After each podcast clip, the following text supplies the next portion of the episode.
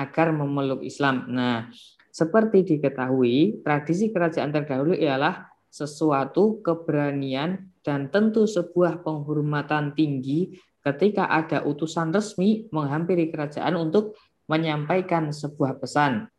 Apalagi pesan tersebut disampaikan secara damai dan tidak mudah. Karena harus mengarungi lautan dan melewati bentangan jarak yang sangat panjang bagi para utusan. Nah, ajaran dan seruan Nabi melalui surat itu direspon positif oleh kerajaan. Hasilnya menakjubkan, hasilnya bahkan hasilnya pun sangat menakjubkan. Eh, banyak raja dan orang-orang penting lainnya memeluk Islam. Raja-raja tersebut bukan tanpa alasan serta merta mengikuti seruan Nabi. Nah, karena mereka sebelumnya telah mendengar kabar soal utusan Allah yang bernama Muhammad. Nah, manusia percaya, jujur dan menyampaikan manusia yang terpercaya, jujur dan menyampaikan kebenaran di setiap ucapannya.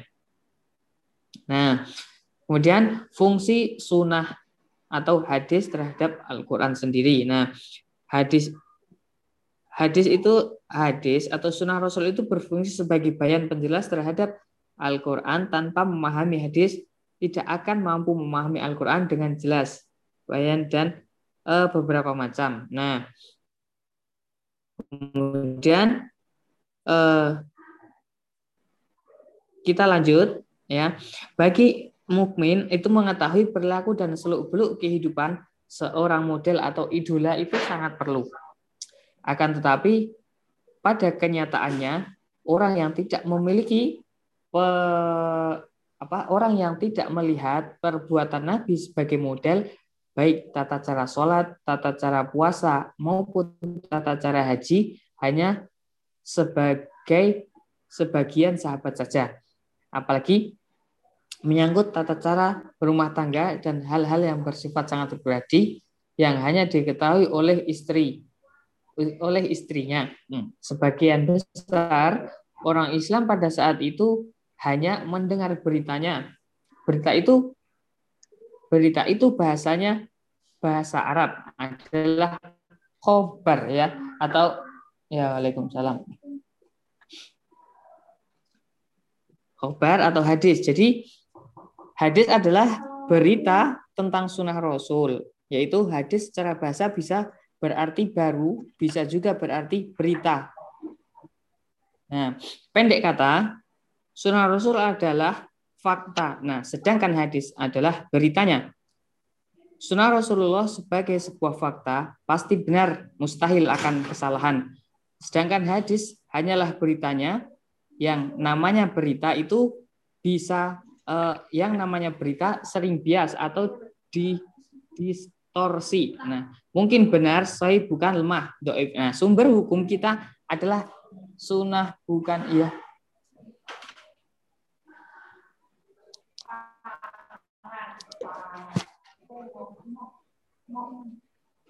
Ya, kemudian kita lanjut.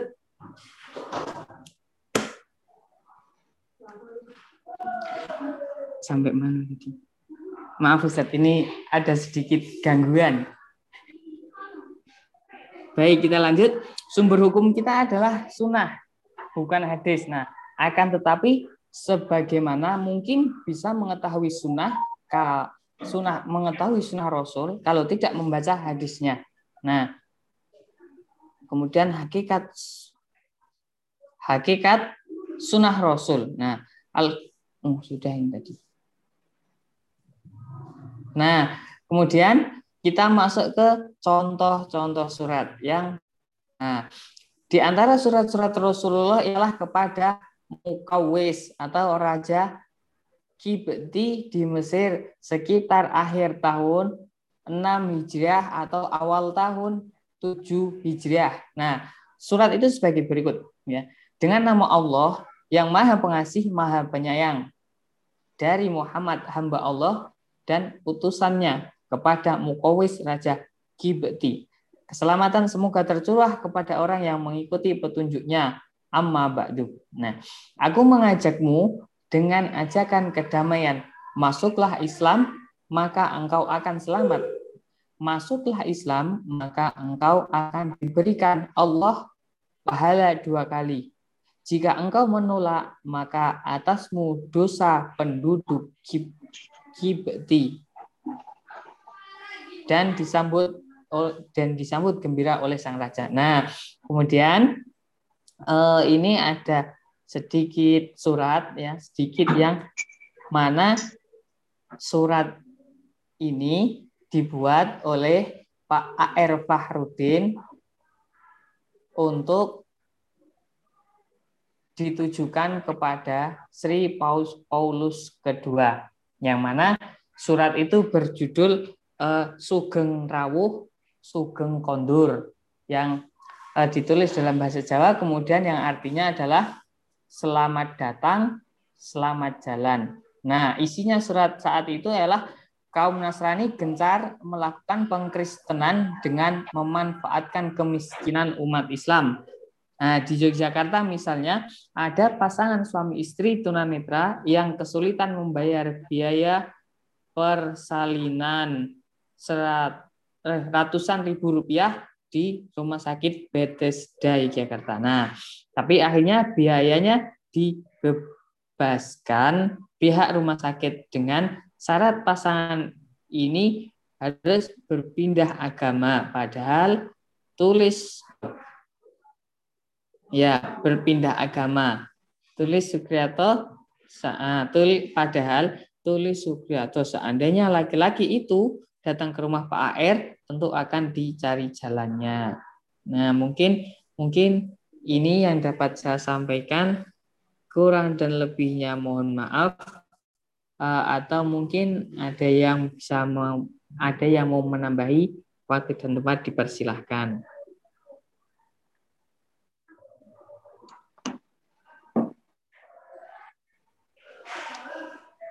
Baik, ini Miftahul Khair kok apa namanya surat kepada raja-raja tadi atau pada kaisar kok nggak lengkap ya?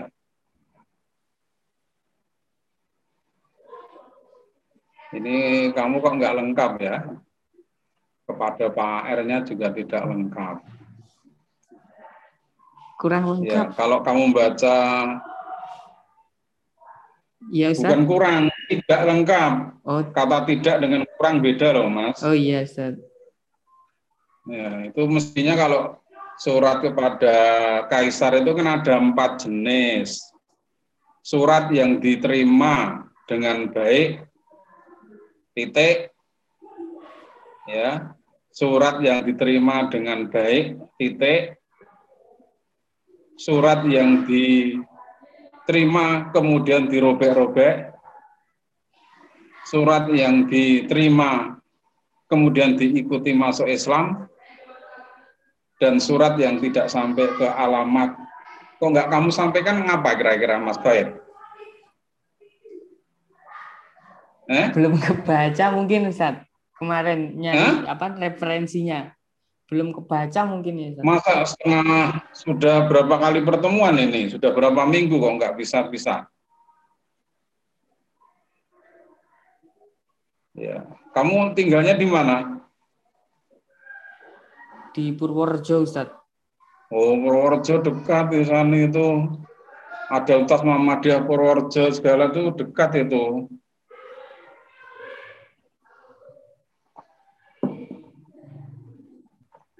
Nah, ini mencari atau tidak ini saya tidak tahu jadi begitu ya. Nah, itu nggak lengkap. Apalagi Pak R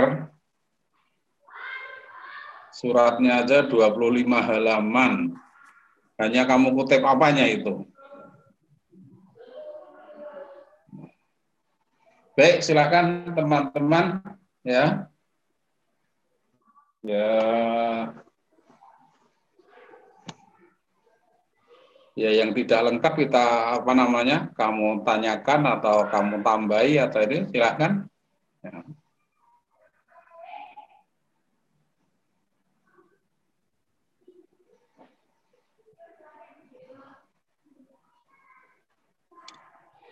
kok diam saja ini ada A ada B kok diam saja ini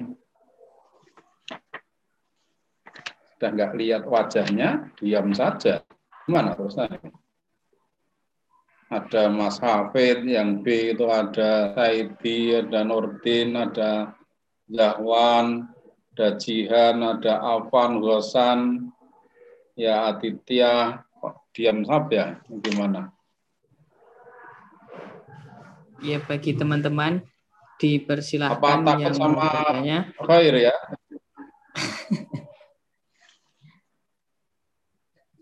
Ini suara saya bisa didengar nggak tuh?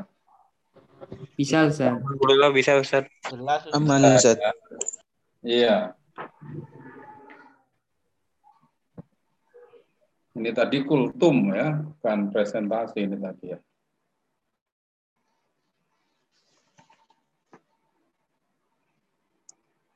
Hmm, Afan Ustaz mau bertanya.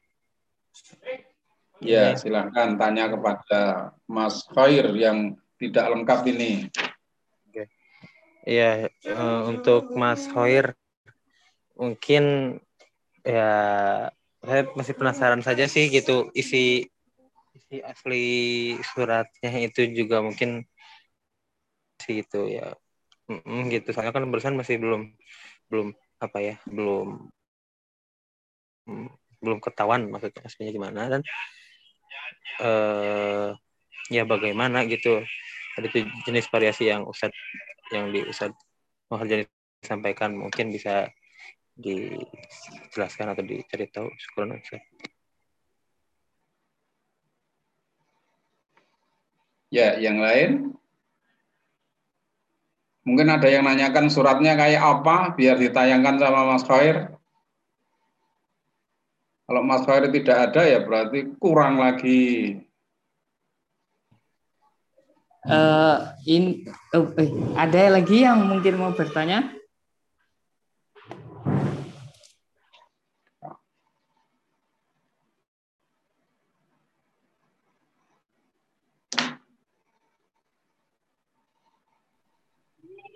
Ahmad Rizky mau bertanya. Ya, silahkan. Ya, satu Ifta. Eh, kan dakwanya kan ke kaisar kekaisaran itu kan memakai surat. Ya, terus surat itu apakah sangat berpengaruh bagi orang yang disurati itu untuk masuk ke dalam Islam? Ya itu saja yang saya tanyakan. Dan bagaimana respon dari kekaisaran atau pemimpin dari yang disurati tersebut? Itu saja. Oh, ya, baik. Eh, menjawab untuk Mas siapa yang pertama tadi? Mas Kemal. Ya. Terus terang memang saya dari pertama itu sudah mencari ya eh, surat yang dari Pak A.R. Fahrudin untuk Sri Paus Paulus. Nah, eh, itu saya sudah mencari juga,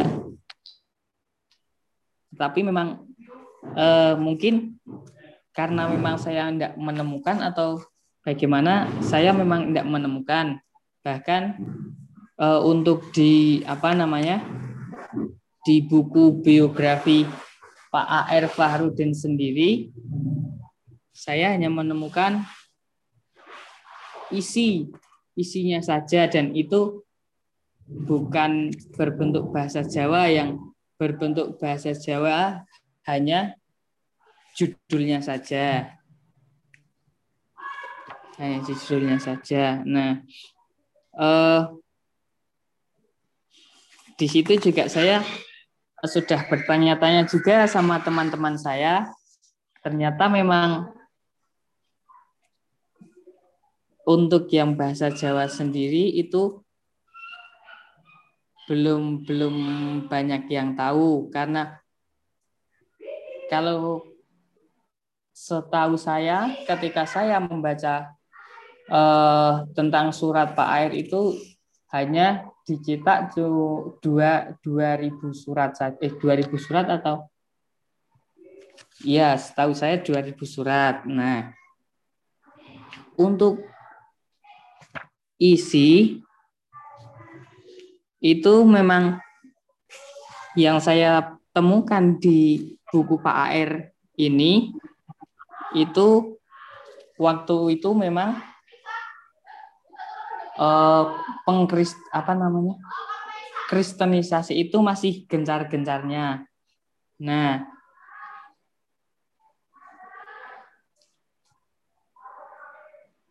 Nah, kemudian Pak Air itu menulis kepada Sri Paus Paulus itu.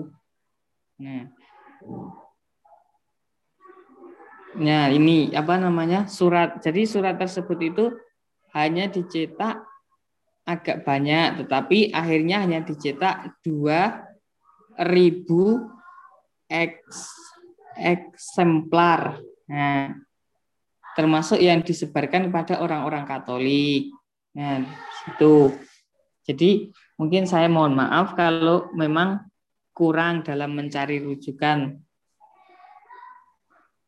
Kalau intinya itu eh, Pak AR mengatakan jangan melakukan pengkristenisasi ketika ada eh, ketika eh, dalam memanfaatkan ekonomi orang-orang Islam begitu.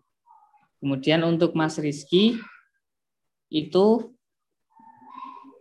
surat apakah diterima oleh para raja itu tidak semuanya diterima. Jadi ada juga seperti yang tadi di uh, katakan oleh Ustadz itu juga meliputi empat. Ada yang diterima dengan baik-baik, ada yang ditolak, ada yang disobek dan bahkan ada yang tidak sampai. Nah, begitu Mas Rizky.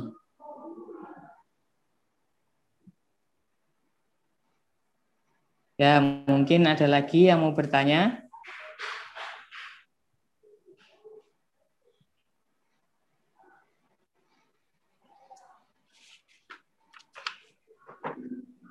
Mas Miftahul Khair.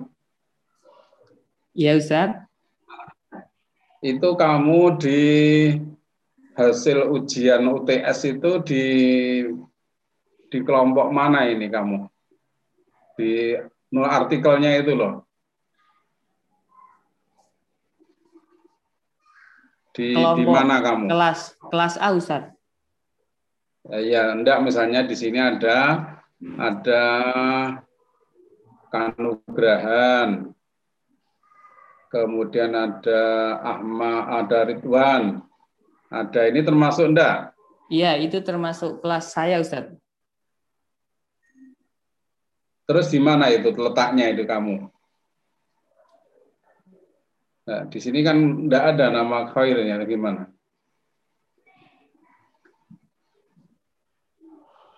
Saya sudah mengirim, Ustaz. Kamu kok enggak ada kayaknya di situ? Hah? Saya sudah mengirim, ingat saya. Ya. Jadi sini yang ada, yang ada adalah Habib, Maulan, kemudian siapa ini? Fadil, kemudian GCDC Rifki, problematika dakwah, metode dakwah Nabi,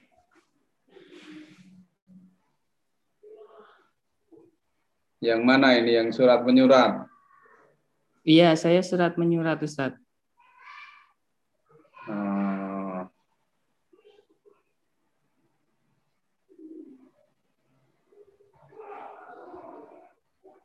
Wah, kamu seperti ini isinya ya, jadi ya, ya, enggak bisa kalau seperti ini. Ya, kayaknya kurang jihad kamu. Itu di PDM itu ada Pak Mundakir, ada itu semua punya itu, tidak hanya 2000 itu difotokopi setiap yang punya itu. Jadi ada 10.000 ada itu. Di PP ada, PP lama ada, suratnya itu lengkap. Jadi kamu tadi misalnya kristenisasi, nggak ada kata kristenisasi di situ. Pak Air nggak menyebut kristenisasi. Ya. Tapi Pak Air itu menyebut ya Pak Paus ya tidak sedikit dari para misi pastor yang datang kepada orang-orang yang sudah Islam dan tidak punya, kemudian membawa barang-barang diberikan. Sikap seperti itu Pak Paus tidak ksatria, ya diingatkan begitu, enggak ada kata kristenisasi. Ya, karena apa? Paus itu bukan Kristen. Pak R tidak mungkin salah. Ya, Paus itu Katolik, bukan Kristen ya jangan kamu samakan antara Katolik dengan Kristen itu beda sekali jadi begitu ya tidak hanya sekedar NU Muhammadiyah tapi itu agama Hindu dengan agama Islam agama Hindu dengan Katolik agama Buddha dengan Kristen itu ya, kamu tadi kan ada kalimat Kristenisasi itu enggak ada. Pak AR tidak salah. Kalau Pak AR mau kristenisasi mesti katolikisasi jadi begitu. Nah itu kamu review mas, kalau bisa menemukan suratnya langsung jadi begitu. Tuh Mas Khair ya. Baik bisa. Kemudian yang ya kalau itu bahasa Jawa, saya kira kamu orang Purworejo ya tahu itu bahasa Jawa. Kemudian yang kedua, ya kamu kan ya, ya, pola yang dipelajari tiap hari keislaman ya tareh atau sejarah Islam itu kan sudah makananmu kalau kamu tidak lengkap surat-suratnya itu gimana? Kan di ah, Rafiqum Mahtum itu ada di situ ya. Kemudian di Tareh Ibnu Hisam juga ada. Kemudian di bahasa Indonesia Menawar Khalil ada. Di Philip Kahiti Hayat Muhammad juga ada ya. Ya di uh, bukunya Muhammad at Meka Muhammad at Madinah ya uh, oleh seorang orientalis ya dari Israel jadi begitu ya ini uh, banyak tapi kok kamu nggak sebut sama sekali tidak dianalisis ya jadi begitu ya Baik, Ustaz.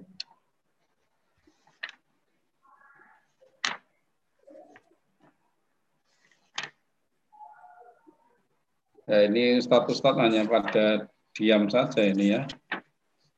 Jadi kalau kita tidak tatap muka itu memang repotnya begitu, enggak lihat wajahnya mau menekankan satu persatu jadi begitu ya. Enggak bisa jadi gitu ya.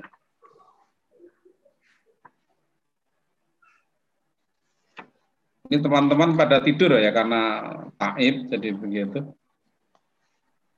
Kan Ustaz masih ya, bingung Ustaz. berikan komentar apa Ustaz? Ustaz, buatan Ustaz. Itu ya, nggak tidur ya. Buatan Ustaz. Buatan Ustaz. Ya. Baik, kalau menyimak silahkan yang lainnya. Ya, kepada Mas Mifatul Khair. Kalau tidak salah saya memberikan soal art, apa namanya UTS itu dengan kata artikel, jadi begitu ya.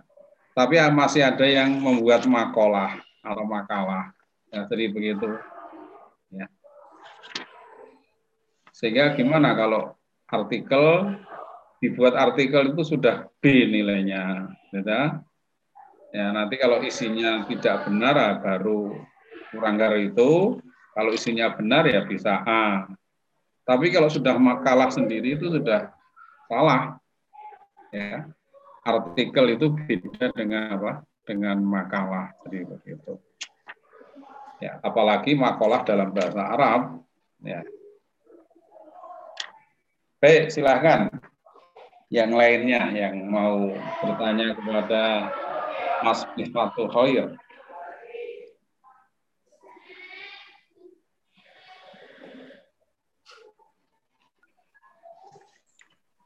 Vanus Miftah uh, mau bertanya.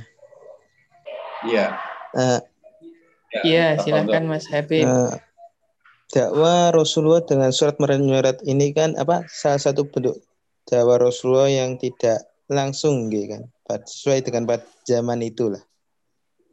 Nah, kalau apa dikontekskan pada zaman saat ini itu lebih tepatnya seperti apa gitu, Mas? Apakah cenderung seperti eh, sekedar apa namanya? di konten-konten di YouTube atau di akun-akun medsos kita atau yang lainnya? Ini itu saja. Baik, Mas Habib. Eh, saya jawab se, se- apa semampu saya ya. Saya jawab semampu saya. Mungkin bisa dibilang seperti itu, ya, Eh, karena tapi juga tidak hanya dengan sosmed-sosmed atau dengan eh, YouTube YouTube saja tidak, karena eh, yang saya tahu juga tentang berita-berita itu bahkan eh, anak-anak kecil pun ada yang mengirimkan surat kepada atasan-atasan. Ya, mungkin bisa seperti itu untuk zaman sekarang. Selain menggunakan media sosial, juga mereka ada yang melalui dengan eh, surat menyurat secara langsung. Ya, seperti itu Mas Habib. Mas Habib, Nggih, Ustaz. Mas Habib, ya, Nah, coba dicocokkan. Ada unsur-unsur yang pertama, surat itu pribadi.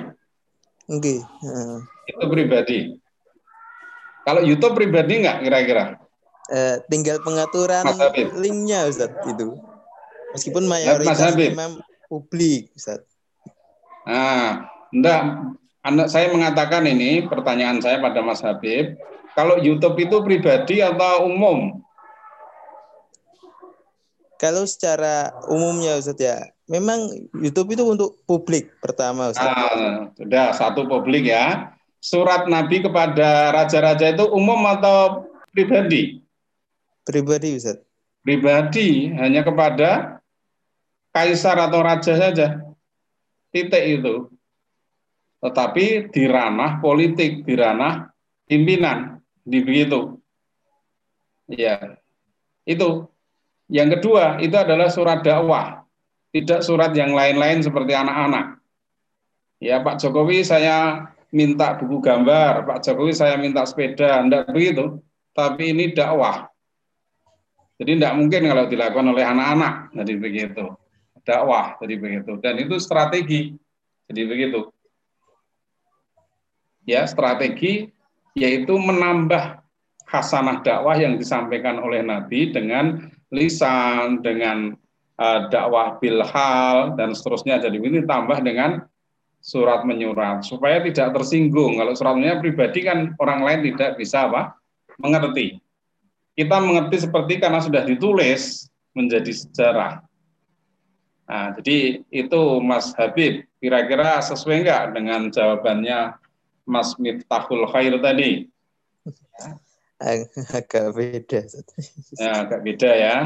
Jadi Pak R nulis itu bukan kepada kardinal, tidak kepada kardinal yang ada di Indonesia, kardinal yang ada di eh, eh, eh, Israel, yang ada di enggak. Ya, tapi itu khusus kepada Paus Paulus yang kebetulan pas ke Jogja maka menyambut dengan surat itu. Jadi begitu. Ya, ini di antaranya.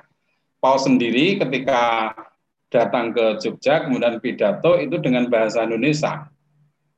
Dan tulisannya dibaca dengan bahasa Indonesia. Karena bahasa Indonesia itu berbeda dengan bahasa Inggris. Kalau bahasa Indonesia itu kan antara bacaan dengan tulisan sama ya. Bedanya hanya kalau orang Sumatera dengan orang Jawa orang Jawa membacanya Indonesia itu Indonesia.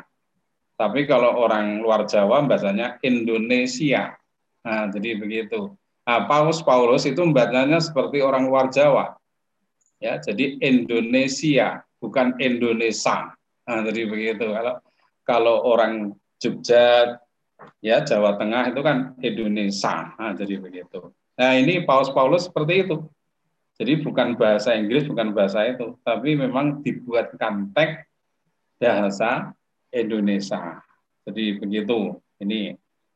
Ini eh, kaitannya tadi surat menyurat itu tidak sama dengan YouTube, tidak sama dengan WA yang bisa di-share ke mana-mana, tidak. Jadi begitu. Tapi memang khusus kepada eh, yang bersangkutan atau pribadi. Sebagaimana eh, Perdana Menteri kita Muhammad Nasir itu juga kirim surat itu langsung, ya, jadi ya langsung kepada pribadi-pribadi, bukan kepada kepada umum jadi begitu. Kalau umum itu kan pidato ya, jadi begitu khutbah Jumat dan itu jadi begitu. Ini yang berkaitan dengan surat menyurat. Kemudian yang ketiga, suratnya itu resmi. Jadi ditandatangani dan diberi cap Ya, ya dan di sana dikatakan min Muhammad. Jadi begitu, ya bahwa ada tanda tangannya. Jadi begitu. Jadi tidak ilegal, tapi legal. Nah, jadi begitu. Ini suratnya itu. Jadi begitu. Ya, sekalipun Muhammad tanda tangan dengan cap itu sama karena pakai uh, cincin yang cincinnya ada tulisannya Muhammadur Rasulullah, uh, kemudian di capkan ya sehingga yang kita lihat di sini kalau anda datang ke kantor pos itu ada stempel yang diberi apa namanya eh, diberi pegangan yang panjang eh, itu seolah-olah panjang itu tangannya Muhammad itu ya ya sehingga dipukulkan jadi begitu ya nah, ini di antaranya itu ya jadi ada resmi. Jadi begitu. Pakai amplop atau tidak, lah itu yang saya tidak tahu. Ya Nah, kalau di dalam kisah Mahabharata itu kan ya dilipat pakai kain itu ya, kainnya bagus dan seterusnya jadi begitu ya. Nah, ini ya kalau model India. Jadi begitu ya. Nah, model Bali pakai daun rontal. Jadi begitu ya, pakai daun rontal dilipat-lipat ya. Jadi kalau kalimatnya itu ada satu, eh, sepuluh kalimat, ya, sepuluh kalimat, maka daun rontalnya itu adalah sepuluh. Nah, jadi begitu. Ya ini, ya saya tidak tahu Muhammad itu kirtas atau kertas itu ya, itu pakai apa? Pakai lempengan eh, lempengan daun atau dari kayu yang tipis-tipis jadi begitu ya. Nah, ini di antaranya. Tapi beberapa penerjemah dari tareh yang berbahasa Arab ke bahasa Indonesia itu bisa dirobek-robek ketika kepada raja yang mendapat surat itu kemudian marah, maka dirobek-robek. Nah, jadi begitu ya. Nah, ini di dirobek-robek berarti itu apa namanya mungkin dipatah-patah atau dirobek-robek itu berarti ada tipis dan seterusnya seperti mungkin kertas yang ada seperti sekarang ini. Nah, jadi begitu ya. Nah, ini. Tapi kalau suratnya Pak Air tadi jelas dengan kertas ya dibukukan jadi begitu dan ada 25 apa halaman jadi begitu ya. Dan itu kemudian diterjemahkan ke tujuh bahasa di dunia ini surat Pak R itu ya. Jadi begitu ya. Nah ini. Jadi akhirnya jadi Pak R terkenal sedunia di antaranya karena ya mengucapkan sugeng rawuh selamat datang dan sugeng kundur ya selamat datang dan segera kembali kamu paus meninggalkan bumi Indonesia bahasanya jadi begitu. Nah ini ya. Ini uh, surat itu dengan bahasa Jawa yang halus jadi begitu ya. Ya, sehingga paus tidak tersinggung tetapi kemudian apa? merubah ya. Ya, merubah karena nanti kalau tidak merubah paus maka kemudian akan menjadikan toleransi antar umat beragama di Indonesia itu menjadi apa? E, menjadi e, tidak baik jadi begitu toleransinya jadi begitu ya Uh, sehingga surat Pak R itu kemudian apa dibaca semuanya, dikaji semuanya oleh para kardinal, oleh para pastor, ya. Jadi begitu dikaji semuanya, jadi begitu. Ya, sebelumnya nggak ada, ya kardinal, kemudian pastor, ya itu yang mengkaji itu. Tapi setelah ada Pak R kemudian digaji betul, jadi begitu. Ya, dan mereka merasakan inilah misi kami yang seperti itulah yang kemudian apa umat Islam pada marah gereja kemudian digagalkan pendiriannya ada yang dihancurkan dan seterusnya jadi begitu. Ini uh, setelah Pak R kemudian menulis surat itu maka mereka kemudian apa? Mereka terang-terangan dan seterusnya jadi begitu. Kemudian kalau mereka memberikan bantuan-bantuan tidak sedikit yang kemudian mengajak agama lain untuk bersama-sama. Jadi begitu ya. Nah, ini mengajak agama lain untuk bersama-sama. Jadi begitu ya. Sehingga agama lain tahu bagaimana orang-orang Katolik itu kemudian apa? mengadakan kegiatan dan seterusnya. Nah, ini hal yang tidak bisa diketahui sampai sekarang ini kalau di Jogja itu adalah pembelian tanah. Nah, ini ya. Jadi orang Katolik itu membeli tanah di mana-mana termasuk di Jogja itu adalah luas sekali tanahnya, jadi begitu. Dan itu yang bisa menandingi hanya Muhammadiyah, karena Muhammadiyah wakafnya banyak dan semuanya atas nama Muhammadiyah. Jadi begitu. Nah, sedang seperti uh, eh, NU itu namanya wakafnya adalah kepada kiai. Nah, jadi begitu ya, kepada kiai tertentu alias pribadi-pribadi. Ya, sehingga uh, pimpinan pusat Nahdlatul Ulama itu sulit untuk bisa mendeteksi, untuk bisa menghitung berapa hektar, berapa juta hektar wakafnya. Tapi kalau di Muhammadiyah itu semuanya tertulis rapi sehingga wakaf di Muhammadiyah itu apa? Yang wujudnya tanah itu semuanya ya eh, teradministrasikan dengan baik. Jadi begitu. Ya. Termasuk tanah yang misalnya dijual itu juga apa namanya ya itu juga teradministrasikan dengan baik. Jadi begitu. Nah ini Mas Miftahul Khair ya data-data seperti ini. Jadi surat Pak R tidak sekedar surat jadi ya sangat monumental. Jadi begitu ya bagi para kardinal. Kamu tahu ya kardinal itu adalah wakil Tuhan yang ada di uh, provinsi. Jadi begitu. Tapi bisa juga di negara. Ya. Dulu di Semarang, Jogja ini ada namanya Kardinal ya eh, Ignatius Juwono. Jadi begitu ya. Ini ya seorang kardinal. Jadi begitu wakil Tuhan yang ada di ya Jogja Jawa Tengah. Jadi begitu. Nah, kalau negaranya kecil itu maka bisa hanya kardinal saja satu ya satu negara jadi begitu. Baik ya. Masih ada yang mau bertanya kepada Mas Miftahul Khair? Kalau tidak ada kita lanjutkan untuk kelas B. Ya. Kelas B siapa yang maju?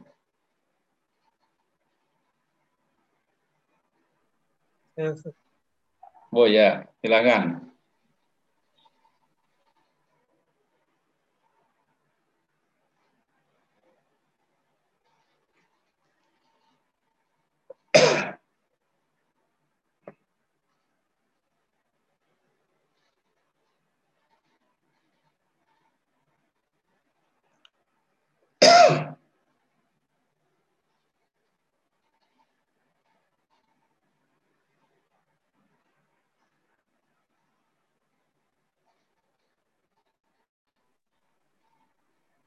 Apakah sudah terlihat?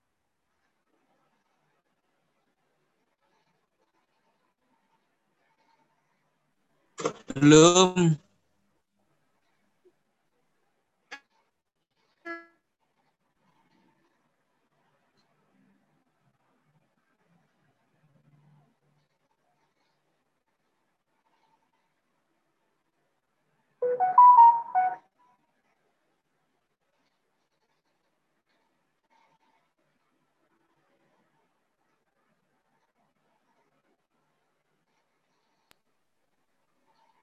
Mungkin Mas Kemal bisa minta tolong.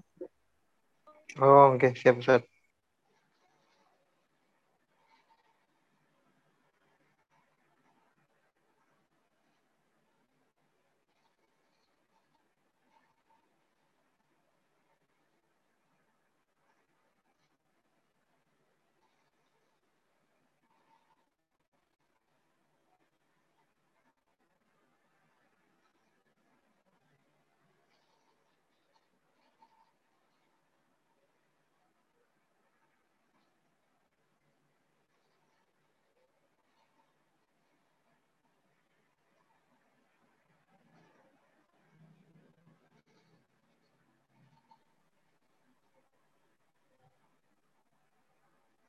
Bismillahirrahmanirrahim. Assalamualaikum warahmatullahi wabarakatuh.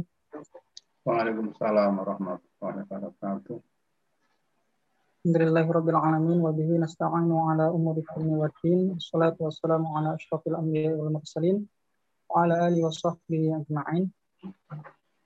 Alhamdulillah eh, pada kesempatan malam hari ini kita bisa berjumpa kembali dan terima kasih kepada Ustadz yang telah memberikan kesempatan untuk kami berpresentasi dan atas kehadiran teman-teman kami ucapkan terima kasih dan semoga ada kebaikan yang bisa kita ambil dari apa yang kami sampaikan beberapa waktu ke depan. Uh, pada kesempatan malam hari ini, saya akan menyampaikan tentang metodologi dakwah berkenaan tentang Korea Thayyibah. Mungkin bisa di next, Mas Kemal.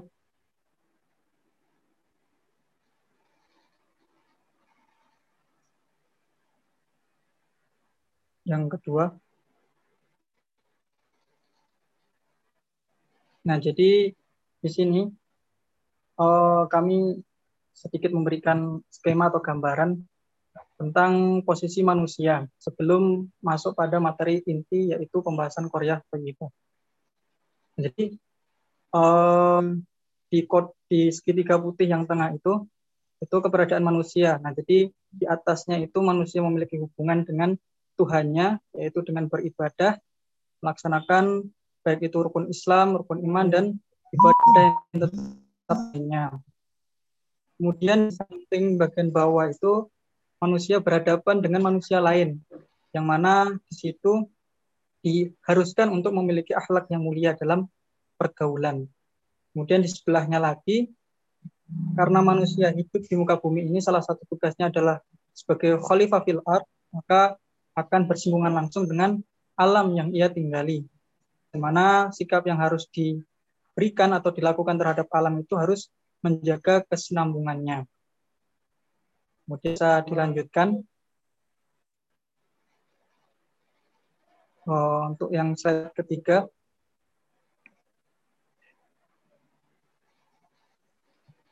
Slide yang ketiga ini uh, dari uh, skema yang kami sampaikan di atas tadi firman Allah Subhanahu wa taala dalam Quran surat Al-Qasas yang artinya dan carilah pada apa yang telah dianugerah Allah kepadamu itu kebahagiaan negeri akhirat dan janganlah kamu melupakan kebahagiaanmu dari kenikmatan duniawi dan berbuat baiklah kepada orang lain sebagaimana Allah telah berbuat baik kepadamu. Dan janganlah kamu berbuat kerusakan di muka bumi sesungguhnya Allah tidak menyukai orang-orang yang berbuat kerusakan. Nah, maka ini adalah dalil yang dijadikan dasar dari skema yang kami sampaikan di atas. Nah, kemudian eh, dalam mewujudkan ya media dakwah yang baik dan kondusif, maka proses yang harus dilalui kita harus perhatikan. Nah, menurut eh, apa ya sumber yang referensi yang kami dapat bahwasannya Korea Toyibah ini tidak berdiri sendiri. Maka nanti akan ada pembahasan yang mendasar sebelum melangkah ke Korea Toyibah itu ada Duriyah Toyibah. Atau bisa diartikan keturunan yang baik atau keluarga yang yang baik. Kemudian eh, dari kumpulan keluarga yang baik maka akan membentuk suatu masyarakat dalam Korea Toyibah. Nah maka jadilah ya istilah yang sering kita dengar yaitu baldatun toyibatun warobun ghafur. Nah, ini adalah eh, langkah-langkah yang harus dilewati ya untuk terciptanya baldatun toyibatun warobun ghafur Yang mana pada kesempatan ini kita akan fokus pada Korea Toyibah. Mungkin bisa di next. Nah, Korea Toyibah ini di sini akan kami sampaikan secara singkatnya.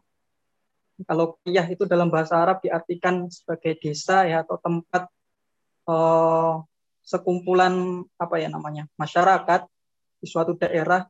Nah, Toyibah ini sering kita artikan bermakna baik ya. Maka eh, secara mudahnya kita maknai Korea Tayyibah itu adalah eh, kampung atau tempat yang baik, yang kondusif. Nah, maka di sini eh, baik yang dimaksud adalah tentu dalam pandangan Islam karena pembahasan kita dalam konteks metodologi dakwah Islam. Nah, ada indikator yang cukup unik ini mungkin bagi rekan-rekan yang uh, berasal dari Jawa ini mungkin bisa diketahui ya maksud dari lima poin yang akan kami sampaikan yaitu indikator Korea Toyibah terhindar dari 5 atau M5 ya dalam bahasa Jawa itu mungkin sering disebut molimo. Nah, jadi bagaimana sebuah Korea itu dikatakan baik? Nah, maka salah uh, salah satu dari lima poin yang di sini adalah pertama terhindar dari M5. Yang pertama maling. Nah, maling ini mungkin kita ketahui bersama. Jadi suatu wilayah itu terhindar dari perbuatan mencuri ya. Maling itu bahasa Indonesia-nya mencuri. Jadi tidak ada tindak kriminal dalam bentuk pencurian. Kemudian yang kedua ini ada istilah madon. Mungkin rekan-rekan yang di luar Jawa mungkin bingung ya apa ini maksudnya. Tapi bagi teman-teman yang domisili di Jawa mungkin sudah tahu istilah ini. Mungkin siapa ini? Mas Rifan, madon ini apa kira-kira Mas Rifan? Artinya. Halo Mas Rifan.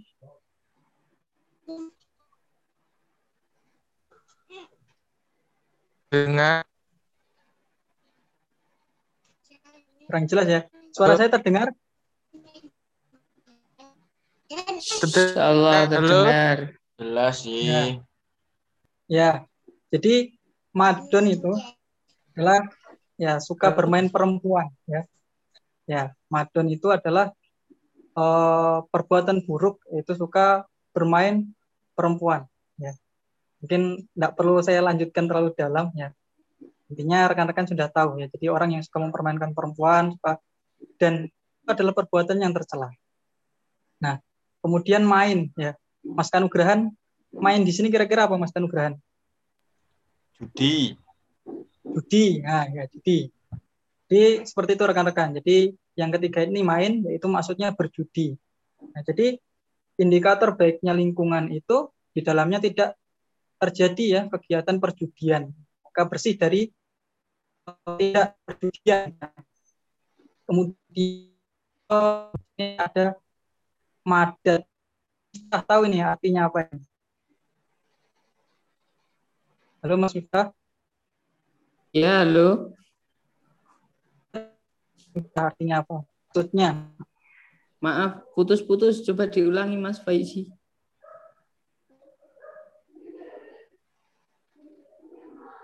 Halo? Halo? Cek. Jadi Cek. Cek, cek. Aizi suaranya putus-putus. Oh, tak kira punyaku. yang Apa tadi yang ditanya Pak Iji?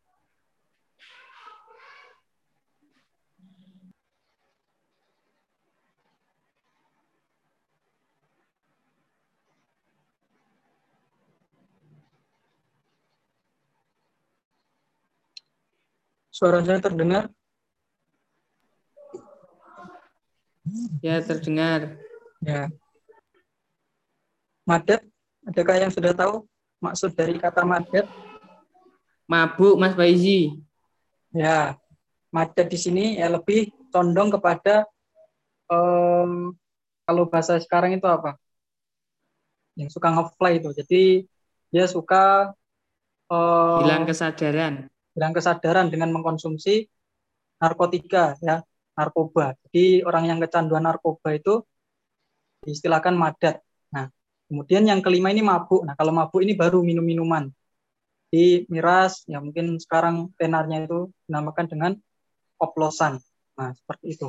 Maka kelima uh, unsur tadi itu ketika dalam suatu wilayah tidak ditemui, maka itu menjadi indikator ya baiknya lingkungan tersebut. Nah, maka bisa dicek di daerah rekan eh, rekan-rekan masing-masing apakah hal-hal buruk ini masih dijumpai dalam ruang lingkup uh, tempat rekan-rekan tinggal saat ini. Nah, seperti itu. Kemudian uh, yang diharapkan, nah dari terciptanya Korea Toyibah ini, nah adanya lingkungan yang guyup rukun. Nah, maka kiat-kiat untuk mencapai ini ya salah satunya di desa itu masih berlaku yaitu gotong royong, nah, kemudian apa namanya saling tolong menolong dan lain sebagainya. Walaupun mungkin untuk daerah perkotaan agak sulit ditemukan uh, kegiatan seperti ini. Kemudian tentram ya. Tentram tadi kalau misalkan terhindar dari lima ini maka setiap penduduk itu akan merasakan ketenangan, ketentraman tanpa terusik dengan perbuatan-perbuatan yang uh, mengganggu ya karena ini saya rasa kelima tadi sangat mengganggu dalam ranah masyarakat. Kemudian makmur. Nah, makmur di sini terhindar dari kemiskinan ya walaupun tetap akan dijumpai kemiskinan namun hidupnya itu terjamin ya paling tidak ketika ada salah seorang yang merasa kekurangan yang lain bahu membahu untuk membantu baik dari keuangan dan kesejahteraan lainnya. Nah, maka ini salah satu hasilnya yaitu masyarakat e, berada dalam posisi berkecukupan. Nah, kemudian e, dari eh, apa namanya usaha-usaha tadi diharapkan dalam ranah ibadah pun ya tempat ibadah yang ada seperti masjid, musola dan lain sebagainya itu menjadi makmur. Nah maka eh, tambah sempurnalah ya indikator dari Korea Toyibah tersebut. Nah dari kiat yang saya dapatkan sependek yang saya tahu, nah maka tadi ya saya singgung di awal dimulai dengan uh, Zuriyah Toyibah. Nah, itu dimulai dari kakak ya kalau susunan secara struktural ya. Dimulai dari kakak, kemudian RT, RW, desa, kecamatan, kabupaten, provinsi dan seterusnya. Maka sehingga terciptalah yang namanya baldatun Toyibatun warobun wafur. Nah, maka setelah dari keluarga tadi masuk ke ranah Korea Toyibah seperti itu. Kemudian bisa dilanjut ke slide berikutnya.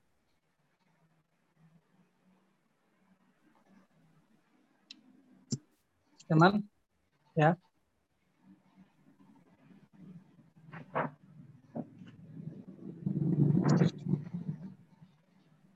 nah ini mungkin uh, belajar dari sejarah ya dari kehidupan Rasulullah SAW jadi terkadang yang menjadi uh, gangguan atau penghalang dalam kerukunan masyarakat itu karena mungkin adanya ya uh, adanya sikap ketertutupan ya antar suku. Jadi mungkin karena berbeda suku, berbeda agama, ras dan sebagainya itu menjadikan orang saling bermusuhan. Maka dalam hal ini kita rasa agama kita sama, mungkin yang menjadi faktor adalah karena suku, ada suku Jawa, suku Kalimantan dan sebagainya. Ketika ada fanatisme di situ, uh, hal itu dapat memecah kerukunan dalam suatu wilayah kerukunan tersebut.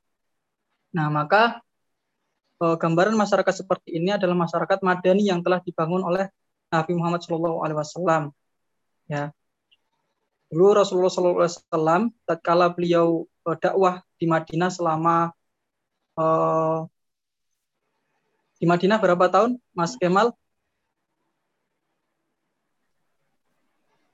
Halo? 10. 10. Nah, Hal ini sudah terjadi 15 abad silam. Jadi sudah pelajaran ini kita dapatkan atau uh, sejarah kehidupan beliau ini sudah berlalu begitu lama. Namun uh, kita tentu harus mengambil pelajaran dari cara dakwah beliau. Dalam hal ini adalah membentuk masyarakat yang madani dalam uh, ranah yang kita bahas adalah Koryah Thayyibah. Nah, dalam konteks ini Nabi berperan sebagai tauhid al-ilah yaitu pemersatu umat dari berbagai masyarakat yang berketuhanan. Nah, jadi Rasul saja yang mengajarkan kepada kita untuk bisa rukun ya, khususnya bagi sesama muslim maupun antar agama. Nah, kemudian beliau juga tauhid al-ummah, pemersatu umat dalam berbagai suku dalam kabilah yang terpecah belah. Dan beliau menjadi juga sebagai tauhid al-hukumah, yaitu pemersatu umat dalam satu pemerintahan yang adil dan beradab. Maka eh, salah satu apa ya poin penting di sini adalah juga dalam eh, kepemimpinannya. Tadi mungkin dari pertama dimulai dari keluarga, kemudian dari lingkup struktural yang kecil yaitu RT, RW dan seterusnya. Maka ketika para pemimpin yang memiliki pengaruh itu dekat dengan Allah, maka akan mudah ya masyarakat tersebut uh, menjadi baik pula dalam berislam. Nah, maka tercapailah tujuan dari dakwah Islam itu sendiri. Nah, maka kesimpulannya Korea Toyiba ini adalah menjadi salah satu media dakwah yang memiliki andil besar ya dalam proses dakwah sehingga perlu bagi kita untuk memberikan perhatian yang lebih ya dalam pembentukan Korea Toyiba. Mungkin singkatnya seperti ini. Uh, mohon maaf jika banyak kekurangan. Uh, selebihnya kami waktu kami kembalikan jika ada yang perlu diskusikan ya, semoga itu menjadi hal yang baik untuk pembahasan kita berikutnya terima kasih waktu kami kembalikan baik silahkan yang mau menanggapi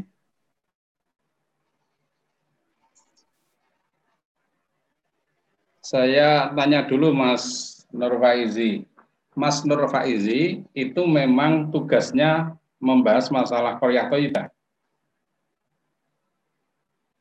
Iya. Oh, saya itu sempat bingung Ustaz. Di catatan saya itu ada judul Korea Toiba Ustaz. Iya.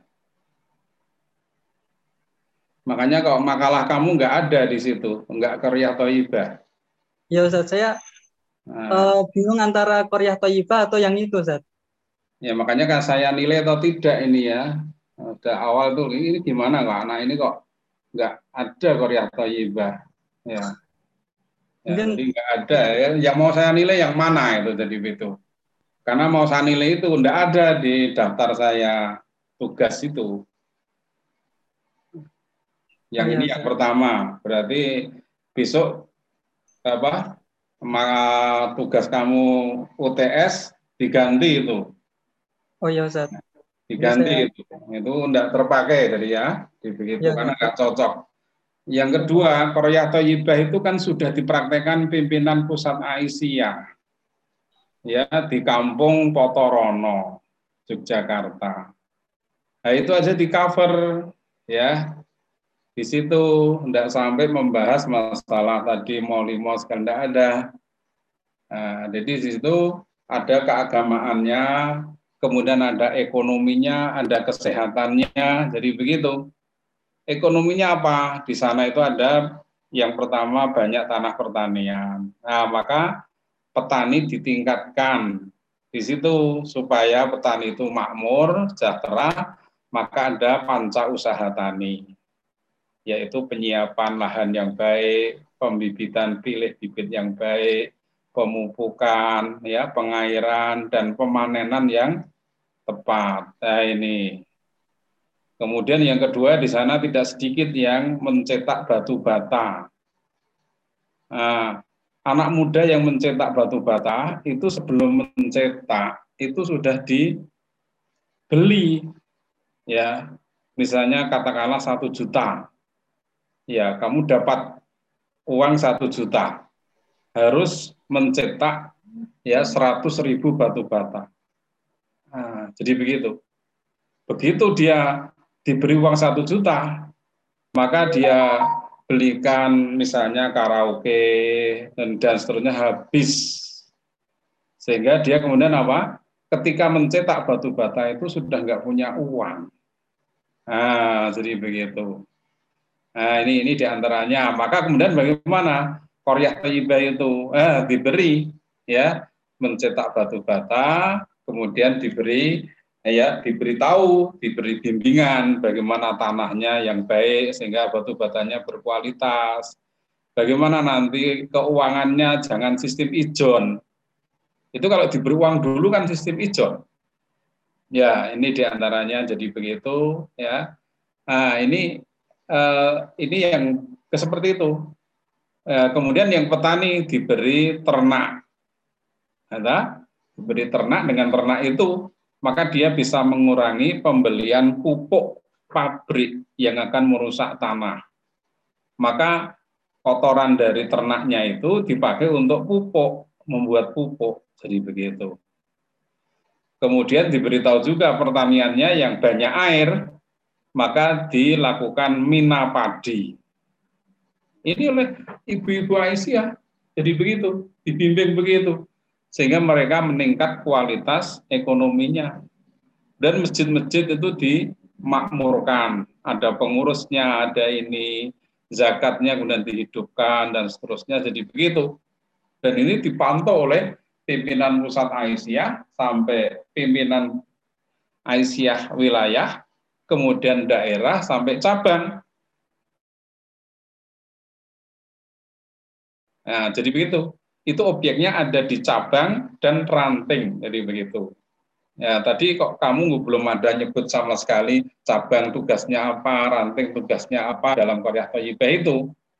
Nah, ini ya. Nah, kamu perbaiki besok makalahnya kamu sampaikan itu jadi begitu sehingga teman-teman itu bahasanya gampang itu Koryah Toyibah itu adalah wujud GJDJ dalam Aisyah. Kalau dalam Muhammadiyah gerakan jamaah dan dakwah jamaah, kalau dalam Aisyah namanya Koryah Toyibah. Jadi begitu. Nah, jadi begitu. Sehingga tadi tidak menyinggung masalah apa?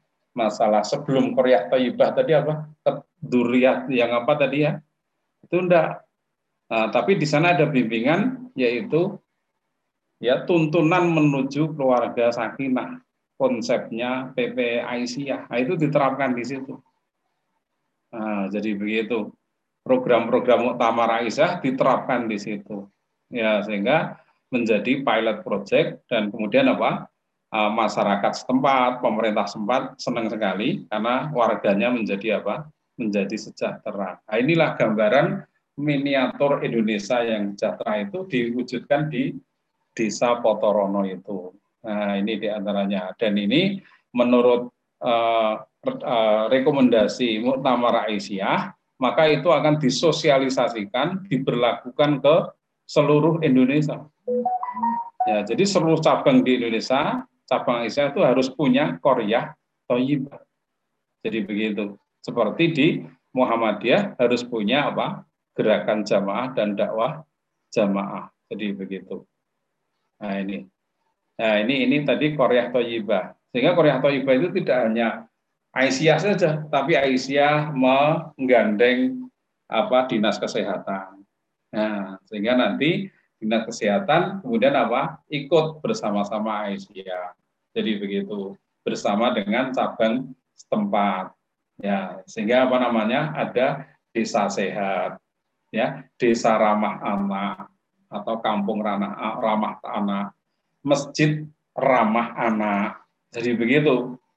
Nah, jadi tidak anak di masjid itu diusir karena mungkin kencing, mungkin megang kabel-kabel yang ada di masjid itu. Nah, maka ramah anak berarti diajari. Ya, kalau sob maka anak orang tua, anak orang tua, anak orang tua. Jadi begitu ya, tidak anak-anak. Kalau anak-anak pasti nanti akan apa kelahi atau main-main dan seterusnya jadi begitu. Nah, sehingga jadi apa namanya? anak-anak jadi tertib. Jadi itu Mas Nur Faizi ya. Jadi nanti iya, iya. yang yang itu diganti ya, yang apa usul fikih tadi ya kamu ya, tadi begitu ya.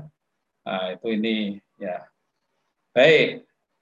Kemudian ya tadi saya mau apa kemarin saya sudah melihat di situ ada misalnya Mas Ahmad Rizki. Mana Mas Ahmad Rizki? Ya. Ini saya lihat artikelnya di situ. Di situ latar belakangnya hanya satu kalimat. Mau dapat apa ini latar belakang kalimat itu? Jelas ini kalau dimasukkan di jurnal ya hanya dibuang saja. Maaf ya, saya mengatakan agak keras begitu, hanya dibuang saja, tidak akan dimuat. Ya, kemudian itu dari latar belakang dan problematikanya apa itu mad'u? Nah itu problematika kan tidak dijawab nanti. Apa itu mad'u? Kemudian pertanyaan kedua di situ atau rumusan masalah kedua, bagaimana memahami mad'u? Yang ketiga, bagaimana apa berbicara baik atau diam. Nah ini berbicara baik atau diam. Ini dari rumusan masalah sudah tidak ada kata kata tanyanya. Rumusan masalah itu dirumuskan, dibuat dengan kalimat tanya, tandanya ada dua, yaitu kata tanya dan tanda tanya.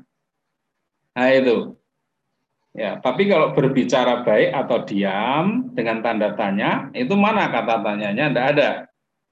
Nah, ada tiga pertanyaan. Kita lihat yang pertanyaan pertama, apa itu mad'u? Ya, di dalam kesimpulan masih ada kata ada satu.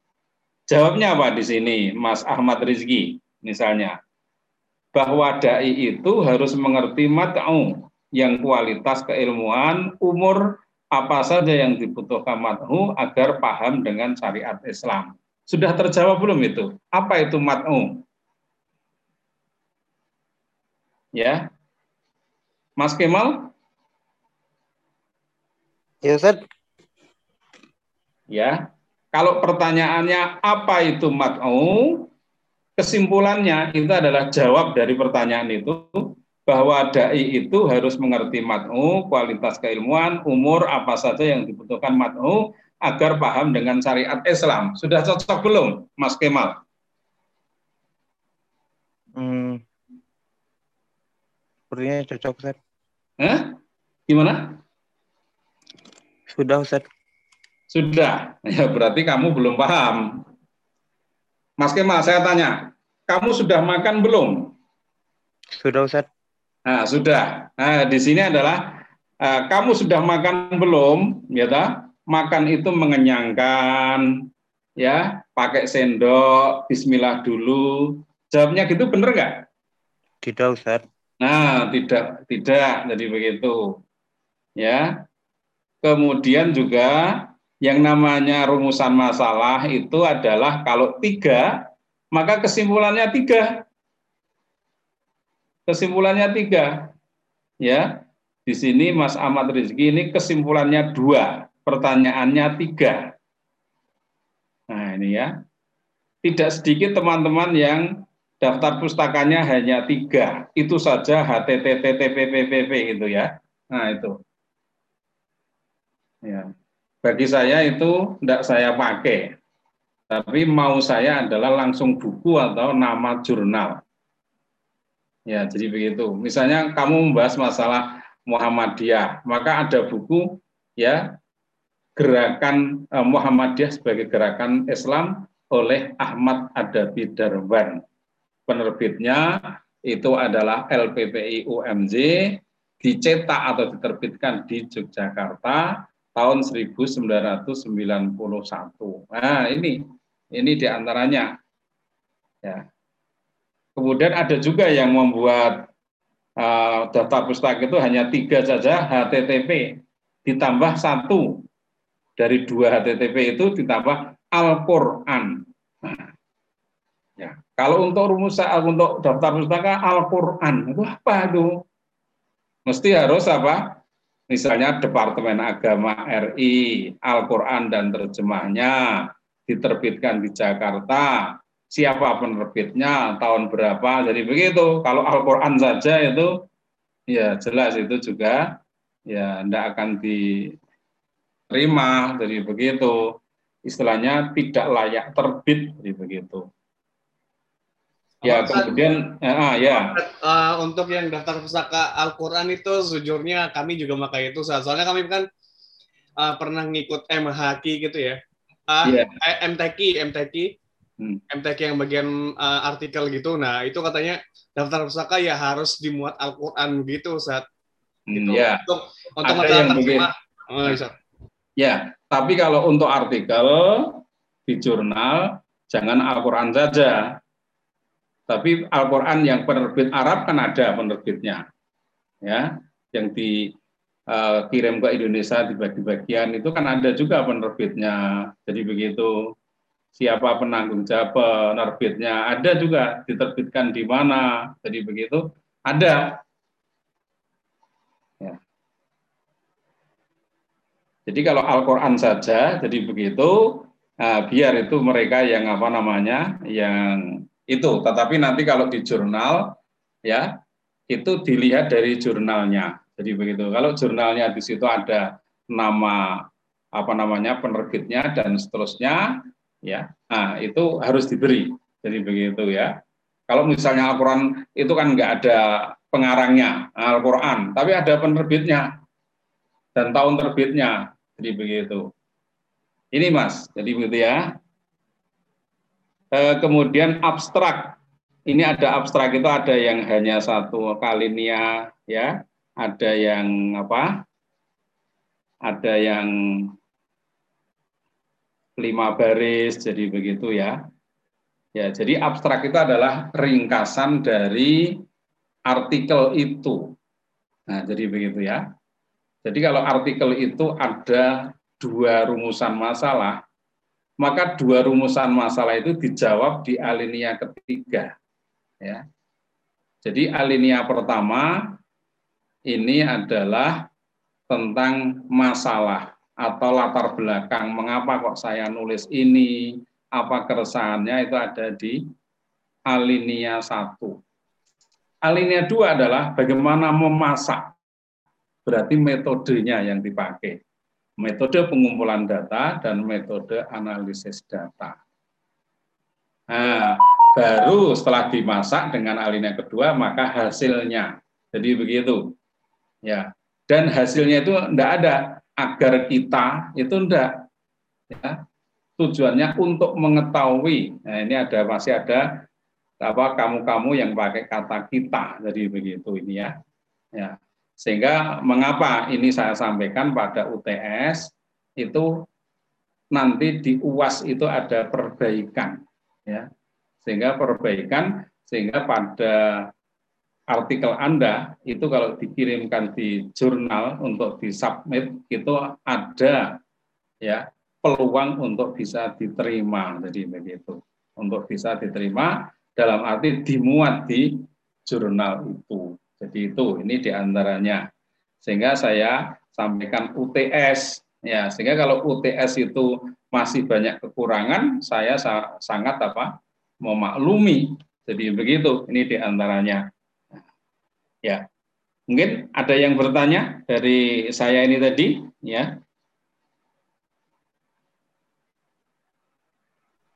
Tadi yang menyampaikan terakhir tadi Mas Faizi ya, Mas Nur Faizi ya. Ya, Ustaz. Nah, nanti dibuat ya. Jadi koryah toyibah ya. ya. Ya, antara konsep dan praktek. Ya, studi kasus di Potorono, Bantul, Yogyakarta. Nah, misalnya begitu. Nah, jadi begitu ya. Ya, jadi begitu.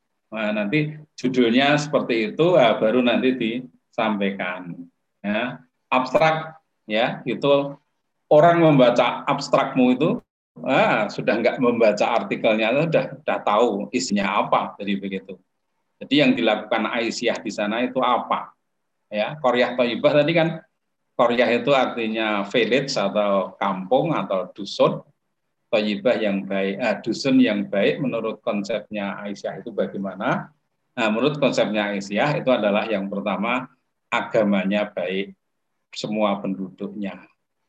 Ya, termasuk di dalamnya rukun karena ada di sana Katolik ada, Kristen ada, Hindu ada, ya. Bahkan ada yang masjid itu jejer dengan pura. Ya, sehingga saya ceramah itu ternyata sebelahnya itu pura itu apa? Membaca mantra-mantra itu. Nah, jadi begitu. Nah, saya ceramah agama di situ, tapi sebelahnya di pura. Nah, jadi begitu.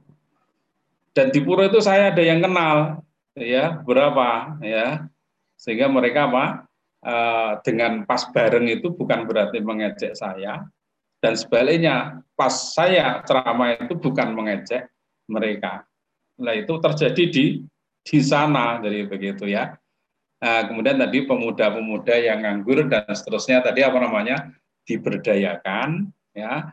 Kemudian ada apa yang nganggur itu dikursuskan kursus yang mereka senangi. Kalau bengkel-bengkel kalau ini semua jadi begitu. Terus wanita-wanita yang nikah dini itu kemudian diberi penjelasan bagaimana resikonya nikah dini jadi begitu ya ya jadi begitu sampai bahayanya kalau nikah dini karena organ tubuh wanita itu belum siap untuk hamil, melahirkan dan seterusnya diberi ya penjelasan. Jadi begitu. Ya, dan itu berbulan, bertahun. Jadi panjang waktunya. Jadi begitu ya. Nah, ini ya. Sehingga pemerintah setempat menjadi apa? Ya seperti nganggur. Jadi begitu maksudnya terbantu oleh programnya Aisyah itu. Ya, sehingga ya pimpinannya pada dapat penghargaan karena bisa apa e, desanya ya kecamatannya ya itu menjadi baik nah, ini ya nah ini kalau 34 provinsi itu dibuat Korea Toyibah seperti itu dan gerakan jamaah dakwah jamaah Indonesia itu saya kira ya nggak ada yang miskin jadi begitu ya nggak ada yang miskin jadi begitu ya dan nanti yang akan masuk ke PUTM ya pasti tidak hanya 11, 12, 13 gitu ya, tapi pasti akan banyak. Karena di dalam Korea Toibah itu membutuhkan calon-calon ulama yang banyak, dai-dai yang banyak. Dan dai-nya adalah dai yang purna waktu. Apa itu? Purna waktu itu dai yang hidupnya itu sepenuhnya untuk dai. Dan itu digaji penuh sebagaimana apa? Pegawai negeri. Uh, ulamanya juga begitu. Ya, sehingga nggak ada yang maaf kuliah di agama di PUTM itu al nganggur nganggur itu enggak ada. Ya, tapi sejahtera jadi begitu ya. Kalau misalnya ingin istrinya dua ya silahkan juga. jadi begitu. Nah, ini ini di, di antaranya jadi begitu. Jadi apa prospek yang bagus ini bagi PUTM nanti dikembangkan apa gerakan jamaah dan dakwah jamaah saya pernah ke Ambon, itu ternyata dinas pertaniannya itu dari orang Muhammadiyah. Terus dinas apa pertaniannya, maka minta supaya anak-anak PTM mau transmigrasi di Ambon. Dengan transmigrasi itu nanti akan diberi tanah 3 hektar. Kemudian diberi sapi, jantan dan betina. Nah, setelah tiga tahun akan dijadikan Majelis Ulama Indonesia di sana. Wah ini saya kan saya bawa langsung pulang itu ke Jogja, jadi begitu ya. Ya saya sampaikan di PTM itu ya. Nah ini di antaranya. Jadi karena pimpinannya di sana Muhammadiyah, jadi nggak akan melentarkan kadernya. Justru kadernya apa? Kader yang uh, kaya luar dalam, kaya ilmu, kaya harta. Sehingga kalau ada apa namanya zakat mal, dia tidak menjadi apa namanya pemberitahu tentang zakat mal, tapi dia sendiri juga apa zakat mal memberi contoh. Nah ini ini saya kira apa namanya ya saya dapat kabar baik dari situ. Saya waktu itu ada enam hari ya bersama tiga majelis saya majelis tablik kemudian majelis pemberdayaan masyarakat. Kemudian yang ketiga ada majelis tarjih ditambah satu pimpinan pusat Muhammadiyah yang waktu itu diwakili oleh Bapak Muhammad Mukodas. Nah, jadi begitu ya. Dan Bapak Muhammad Mukodas waktu itu sempat tensinya naik. Mengapa? Karena 13 pimpinan itu ternyata mereka itu beda-beda partai ada yang Golkar, ada yang Gerindra, ada yang ini, dan mereka bersaing di dalam pemilu itu. Ya, sehingga Muhammadiyah maaf agak terlantar. Sehingga kemudian Pak Muhammad Muaddas datang untuk meluruskan mereka. Kalau kamu mau di partai, mau ingin jadi anggota DPR, Muhammadiyah dulu kan. Jadi begitu ya. Nah ini di antaranya. Dan kamu-kamu nanti dikirimkan ke daerah harus ada yang berani begitu. Ya, kadang-kadang kan apa? Pimpinan bahwa apa itu terlena dengan apa? Dengan iming-iming dari partai politik dan seterusnya, sehingga kadang-kadang khitohnya itu apa? agak berbeda. Jadi begitu atau mungkin melenceng dari apa? Dari tujuan Muhammadiyah. Ya, karena itu nasihatnya Pak Kiai Madalan gimana? Jadilah insinyur, jadilah petani, kembalilah kepada Muhammadiyah. Jadilah pedagang, ya, jadilah guru, kembalilah kepada Muhammadiyah. Nah, jadi begitu ya. Ya. Jadi saya kira PUTM menurut saya adalah sangat optimis jadi begitu untuk bisa beramal dengan ilmunya, tapi juga dirinya sendiri insya Allah jadi apa namanya bisa sejahtera. Jadi begitu. Nah, ini ya ada silakan ada apa umpan balik atau tanggapan dari kamu-kamu. Jadi begitu. Ya. Jam 20 lewat 58. Nah, ini ya jam saya ya di HP itu. Mas Nur, mau bertanya silahkan kepada saya ya ada berarti, berarti uh nanti untuk pembahasan saya itu dikerucutkan dari contoh dari Aisyah itu saja Zed. Hmm, Tidak ya. perlu ah, tidak perlu yang lain-lain oh, ya. ya supaya apa teman-teman tahu yang kedua bisa memberi masukan ternyata Aisyah itu masih ada kekurangannya misalnya begitu kemudian yang ketiga nanti kamu di daerah bisa bersama-sama dengan Aisyah, NA, dan keluarga besar Muhammadiyah untuk bersama-sama mewujudkan Koryah Toyibah dan gerakan jamaah dan dakwah jamaah. Karena saya dulu pernah saya cerita, yaitu di Luwiliang, Jawa Barat, yang namanya Desa apa? Sukarmaju, ya, dan digarap tujuh tahun menjadi R-nya hilang. Jadi Desa Sukamaju sehingga untuk menghilangkan R itu butuh waktu tujuh tahun. Nah, jadi begitu. Apa ciri-cirinya desa yang sebelum digarap? Satu, ya, ya banyak masyarakatnya itu kalau berpuasa yaitu tanggal 1, 2, 3, 29 untuk berpuasa. Kemudian yang kedua ada musola dan di sana banyak ranting-ranting di dalam musola itu daun sehingga alias tidak pernah dipakai. Nah, jadi begitu. Kemudian yang ketiga, usia perkawinan itu perkawinan dini. Saya ketemu dengan ya mbak-mbak di sana. Saya tanya, ini adiknya? Bukan itu anak saya, Pak. Ya, jadi begitu. Ternyata dia sudah punya anak dua, umurnya 16 tahun. Nah, berarti nikahnya mungkin 14 sudah tahun sehingga 16 tahun sudah punya anak dua. Ya, jadi begitu. Nah, kemudian yang ketiga, desa itu tidak ada yang mau tetangga desa itu dapat orang itu. Karena namanya desa Sukar Maju. Nah, maka tidak mau nanti di situ ya, akan jadi apa? Ini. Kemudian judi tiap malam ada. Dan yang keempat, eh, yang keenam itu tiap hari di sana ada hajatan. Entah itu mantenan, entah itu tujuh hari setelah kematian, 40 hari setengah kematian, kemudian ada semuanya dari mana itu? Uang hutang. Jadi kalau saya yang hajatan, hutang tetangga saya sebelah, 40 misalnya 3 juta, nah janjinya satu bulan, ternyata tiga bulan belum dibayar. Akhirnya saya dengan tetangga itu nggak ngomong. Ya, nah, di situ antar keluarga tidak ngomong. Nah, jadi begitu. Kemudian yang lulus SD alias drop out, tidak lulus SD itu ya separuh lebih. Nah, jadi begitu. Nah, ini ada 10 tadi. Kemudian petaninya adalah petani gurem, Mas Nur. Apa itu petani gurem? Mas Kemal, ya, Mas Badru, ada yang tahu petani gurem?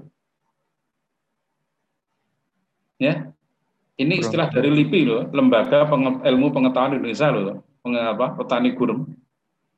Petani gurem itu adalah petani yang tidak punya lahan sawah, alias buruh tani. Nah, jadi begitu ya. Kalau buruh tani, pertaniannya gagal, dapat apa mereka? Dapat rugi, toh? Nah, jadi begitu ya. Kalau dia panenan baik, separuh. Nah, jadi begitu, dapatnya separuh. Padahal petani itu rintangan dan hama penyakitnya banyak sekali. Belum angin, belum ini, dan seterusnya. Ini, nah itu keadaan seperti itu, itu butuh waktu tujuh tahun.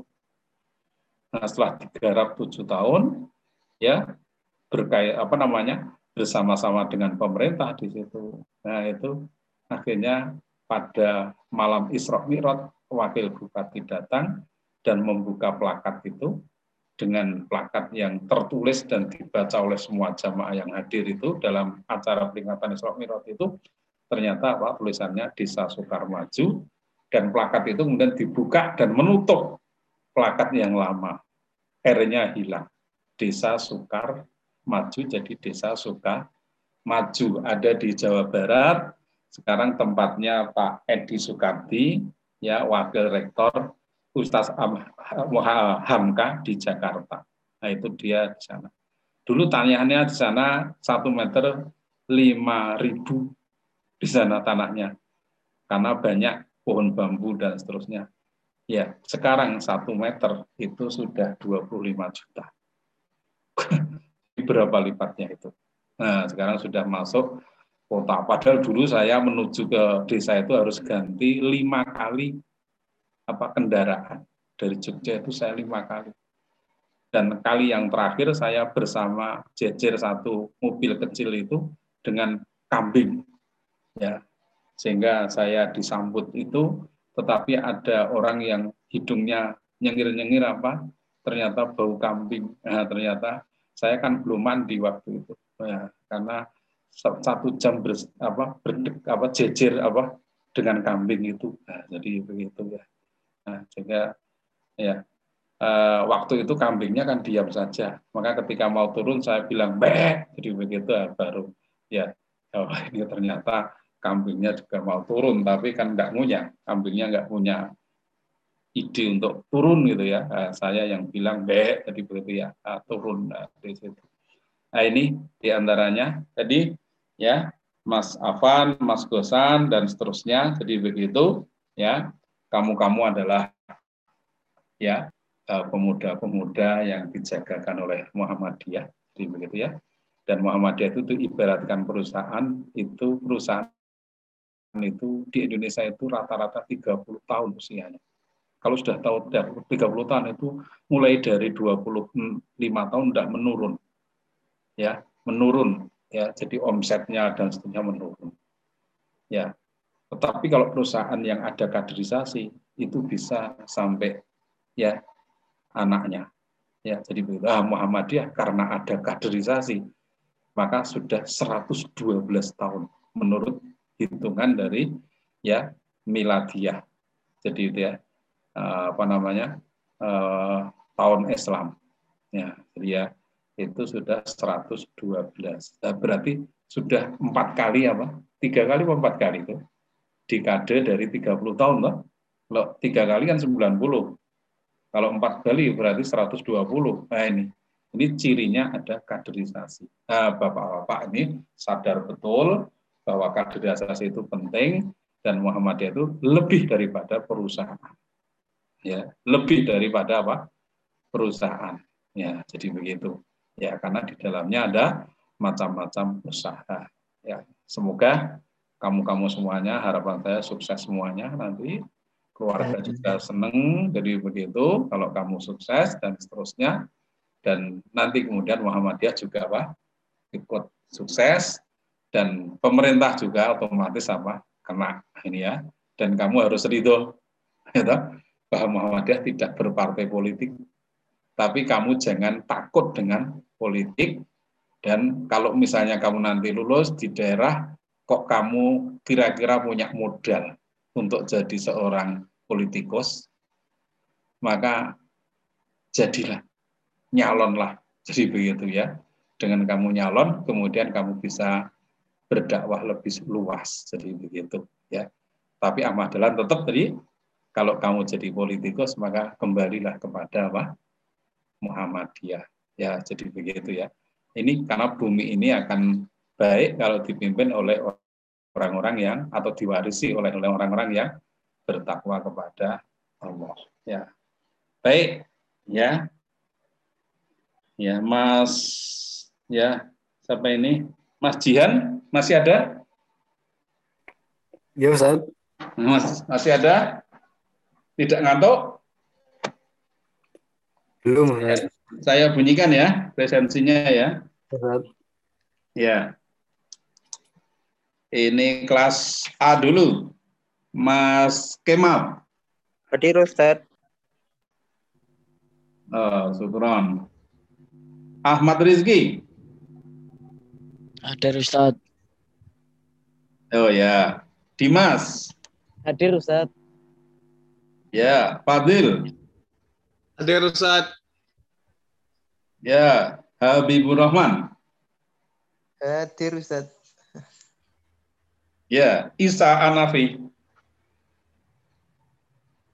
Isa. Kanugrahan sejati. Hadir Ustaz. Ya. Maulan. Hadir Ustaz. Maulan. Ya. Iya hadir Ustaz. Miftahul Khair. Hadir Ustaz. Iya, syukron. Ridwan Furkon. Ridwan. Oh ya. Rifki Zuanda. Hadir Ustaz. Ya, Rifki.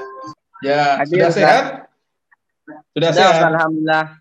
Alhamdulillah didoakan teman-temanmu dan Bapak sehingga terus bisa insya Allah sehat. Ustaz. Kemudian, nah, makasih. Paspi, Ahmad Hafid. Hadir Ustaz.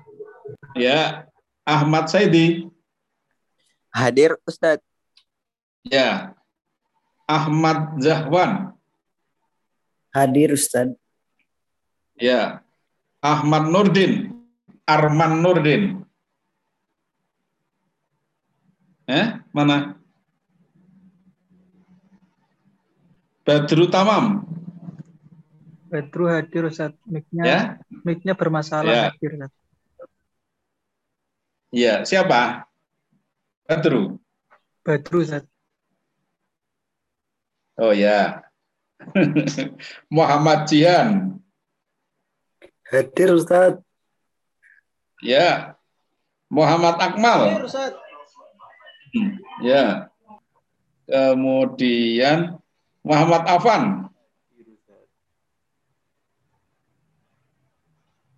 Ya. Ya. Muhammad Hosan. Hadir Ustaz. Iya. Syukron. Muhammad Rausan. Rausan sakit sudah izin di grup Ustaz. Oh ya ya ya ya ya ya. Didoakan ya. Semoga segera ringan sakitnya dan sehat. Rifan Aditya. Hadir? Ustaz. Oh, alhamdulillah. Ini tadi Mas Faizi yang maju, berarti besok Mas Rausan. Mas Rausan itu berarti hari Senin tanggal 5. Tanggal 12 itu masih kuliah nggak kira-kira? Hah? Belum tahu itu tuh. Hah? Nggak, puasa ini kamu kan tidak memboleh hijrah ya? Itu kurang tahu Ustaz. Tidak ada Ustaz. Hah? tidak ada. ya, maksudnya kalau tidak ada tetap kuliah gitu. Ah, sepertinya tidak Ustaz. Tidak. Kabar-kabar- Terus kuliahnya Ah. di ujiannya? Kabar-kabar kabar-kabar nyerempet-nyerempet dari mulut dosen itu tidak ada perkuliahan selama Ramadan Ustaz. Nah, terus ujiannya setelah itu kalau Belum tahu juga Ustaz. belum tahu. Coba nanti saya tak konfirmasi sama Mas Mahmudi, Ustadz Mahmudi ya, dia. Yang jelas itu waktunya hanya tinggal dua, yaitu tanggal 5 dan tanggal 12. Jadi begitu. Ya. Kalau nanti tidak sampai tanggal 12, kalau bisa eh, antara ya bainah atau between antara tanggal 5 12 itu ada perkuliahan. Jadi begitu menghabiskan yang yang eh, ini maju. Berarti tanggal 5 itu yang maju kan Mas Muhammad Rausan untuk kelas B. Ya, untuk kelas A ini adalah Mas Ridwan Furkoni. Begitu ya, besok yang maju ya. Mas Ridwan sama Mas Rausan. Tanggal 12 terakhir ini adalah Mas Rifki Zuanda sama Mas Rifan Aditya. Begitu. Sehingga nanti kalau ada saya mau konfirmasi, kalau ada itu mohon Anda apa namanya dijadwalkan ya dan ada yang secara aktif menghubungi saya ya, mungkin lewat WA atau lewat telepon, jadi begitu ya antara tanggal 5 sampai tanggal 12. Puasanya tanggal 13 ya? Insya Allah, Ustaz. Ya, tinggal tanggal 13. Jadi begitu ya. Ya, kalau bisa nanti Idul Fitri kamu sudah semester selanjutnya. Jadi begitu ya. Eh, semester sudah selanjutnya. Jadi begitu. Ya. Baik, hari ini itu saja dulu ya. Ya. Ya, makasih pada Mas Faizi dan Mas Miftahul Khair yang telah tampil presentasi pada malam hari ini ya. Besok yang akan datang adalah sekali lagi kelas A adalah Mas Ridwan Furkoni dan kelas B Muhammad Rausan. Ya. Betul ini? Ya. Ya. Very tired? Sudah capek betul? Ya Ustaz, it's been a full day Ustaz. Ah ya, baik kita akhiri terus tidur supaya tidurnya nyenyak dan mimpi ketemu Nabi ya. Amin, amin. Amin, amin ya. Insyaallah, Ya, Allah. ya. Amin, Dengan amin. Doa penutup majelis. Subhanaka wa bihamdika asyhadu an La ilaha illa anta astaghfiruka wa atubu ilaik. Assalamualaikum warahmatullahi wabarakatuh. Waalaikumsalam warahmatullahi wabarakatuh. Jazakallah khairan ya Ustaz. Syukran, syukran.